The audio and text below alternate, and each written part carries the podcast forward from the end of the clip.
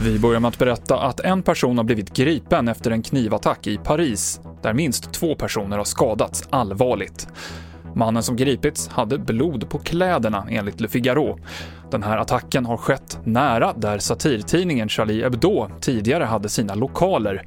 Tidningen utsattes för en terrorattack 2015 med flera dödsoffer. Det är oklart om det här också är en terrorattack och om polisen söker efter fler gärningsmän. I Sverige har två personer blivit gripna efter skottlossning i Tyresö söder om Stockholm på förmiddagen. Polisen hittade skottskador på en fastighet och det inleddes en stor polisinsats. Ingen uppges ha skadats. Och tre av deltagarna i TV4-programmet Idol har testat positivt för covid-19. Det här skriver Idol på Instagram. Det är oklart hur det kommer påverka kvällens sändning och det fortsatta tävlandet. Vi återkommer till det senare under dagen. Det här var TV4-nyheterna med Mikael Klintevall i studion.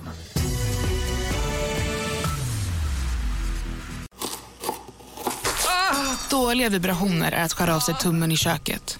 Ja! Bra vibrationer är att du har en tumme till och kan scrolla vidare. Alla abonnemang för 20 kronor i månaden i fyra månader. Vimla! Mobiloperatören med bra vibrationer.